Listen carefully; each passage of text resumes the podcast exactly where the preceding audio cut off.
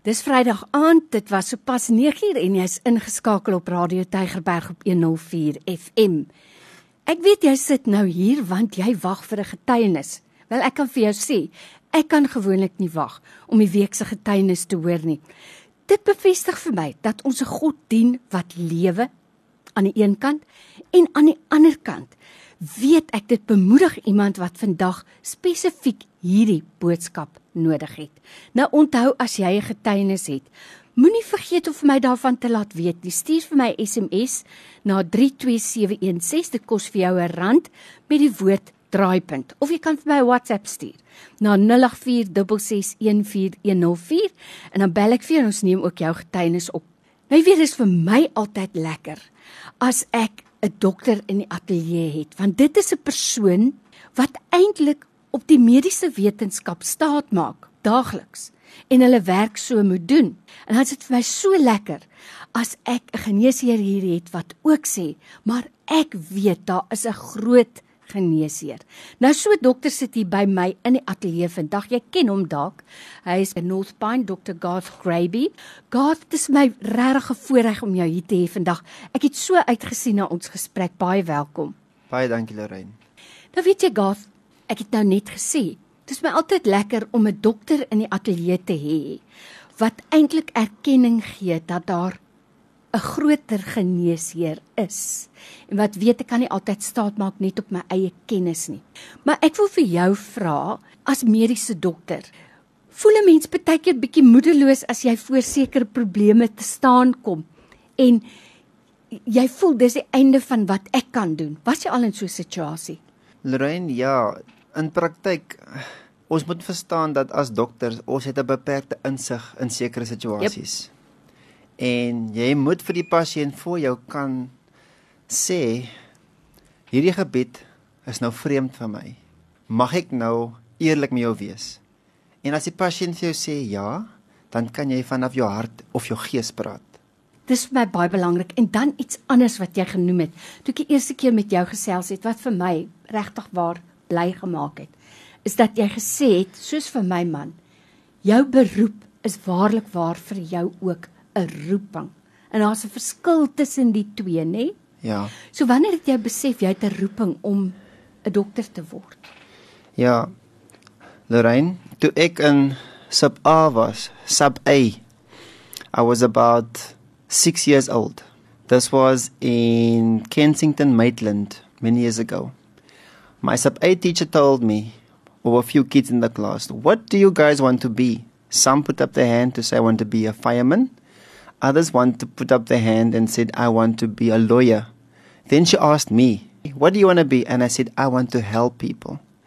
Little did I know, wow. as the years would go through primary school and high school, that God gave me an ability to understand things uniquely and fine tune that gift for me to ultimately decide I want to be involved in people's lives. I want to be involved in people's families. And that's when I felt in my later years in high school, I wanted to be a medical doctor because I knew on that platform I would be able to make a much bigger impact in people's lives individually and collectively. Wow, dit is so so waar. En ek dink 'n mens kan gelukkig wees as jy beland by 'n dokter vir wie dit waarlik waar 'n roeping is, maar meer as dit nog wat 'n gelowige dokter is. Nou Garth, die feit dat jy 'n dokter is, die feit dat jy 'n gelowige is, vurig vir die Here, beteken nie dat jy nie gaan siek word nie. En jy's daar het jy ook 'n groot getuienis. Vertel ons jou storie. Ja, Lorraine. In 2012 was ek gediagnoseer met tiroïedkanker. Uh my kollega by die werk het eendag my nek aanskou en toe sien hy daar's 'n massa in my nek. Het hy swelling gesien? Hy het 'n swelling gesien. Mm. Hy het, hy sê dit was 'n ligte skade weer. Wow. Toe sê vir my onmiddellik, "Graby, kom ons gaan trek 'n bietjie bloede." Hy trek toe 'n tiroïedfunksie. Dit is toe normaal. Hy sê toe, "Kom ons stuur vir jou vir ultra ultraklank." Ek gaan toe hospitaal toe en toe ontdek hulle daar is 'n soliede massa in my nek. Sjoe. Hy reël toe spesialis afspraak vir my en ek sien toe my my spesialis uh, professor Dani de Toy en hy sê toe vir my, "Garth, as jy voor die Here moes staan en jy moes vir hom vra vir 'n kankertjie wat die minste aggressief is, dan het jy dit gekry. Tiroïedkanker. Tiroïedkanker. My aarde. Maar hierdie tipe kanker, hy was beperk tot die tiroïed en hy groei baie stadig. En toe vra ek die prof op daai uh, stadium, "Prof, hoeveel tyd het ek?" En hy sê, "God, neem jou tyd. Ek gaan eers met verlof. As ek terugkom, dan kan ons verder praat." Na 'n maand, ek het gebid, sak en as. Sak en as. Ek gaan terug hospitaal toe. Hulle doen weer die ultraklank. Ek ontdek toe dat die massa dieselfde gebly het. En toe het ek vrede in my hart gehad en toe sê ek vir die prof, prof kom ons gaan voort met die operasie en ons skeduleer toe die tyd en die datum. Maar uh my eerste operasie was gedoen in Julie 2012. Hulle het die helfte van die tiroïed uitgehaal met die massa. Ek het toe gedink dit van die dit was die einde van die krisis Mm. met die opvolg. Uh die histologie van die massa het bewys toe dat uh die helfte van die tiroïed was volledig uitgehaal.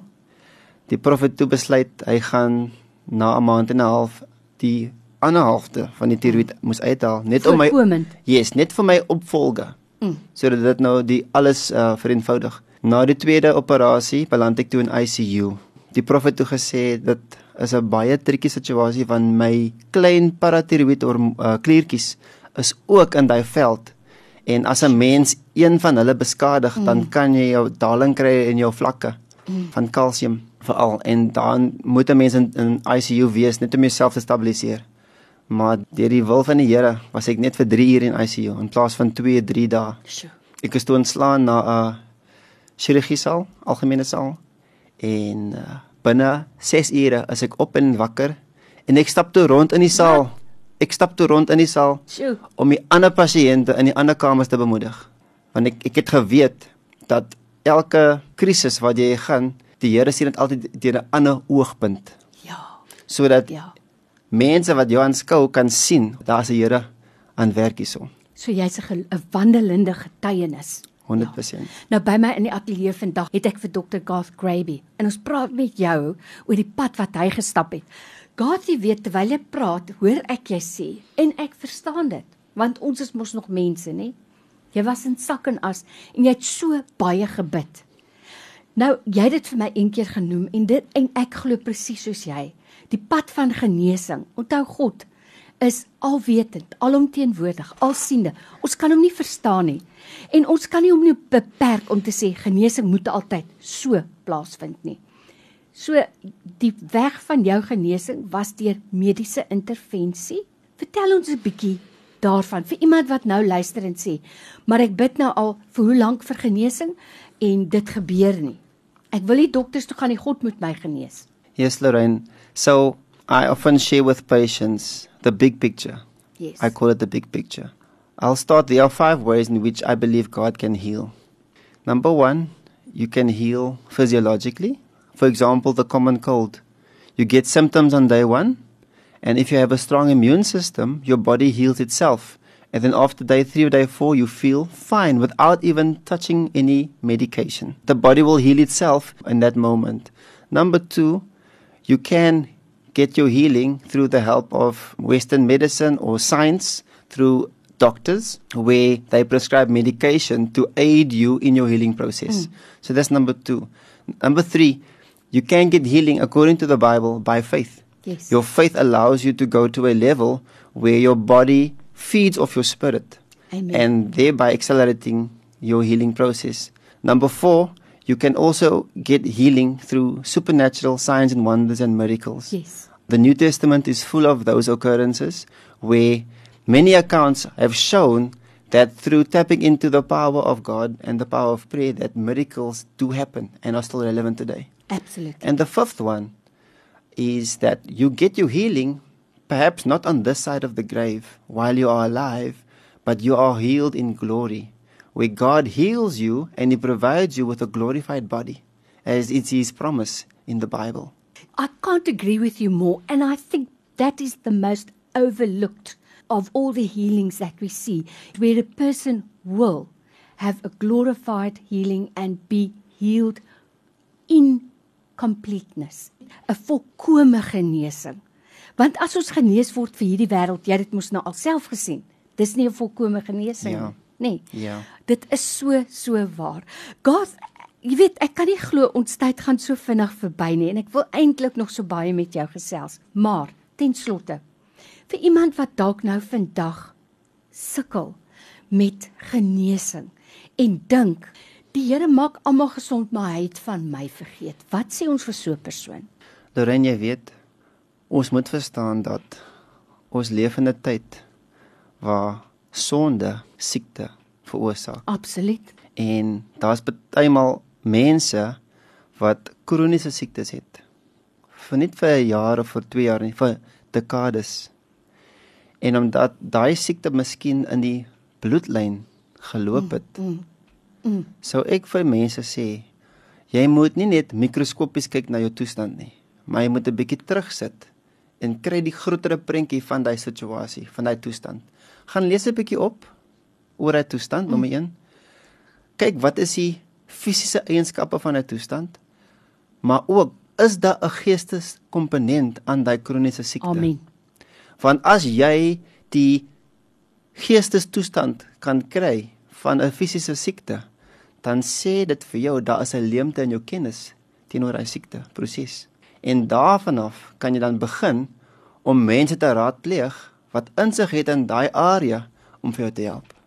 Ek kan nie meer met jou saamstem nie en ek wil eintlik vir jou sê Gath, ek ek sal uitsien daarna as ons in 'n stadium dalk weer verder hieroor kan gesels. So ek gaan vir ons luisteraars sê ons ons moet 'n tydjie maak om hieroor te praat want dit is 'n absolute belangrike kwessie. Maar vereers wil ek net vir jou sê vir jou tyd om vandag met ons te kom gesels vir die moeite wat jy gedoen het.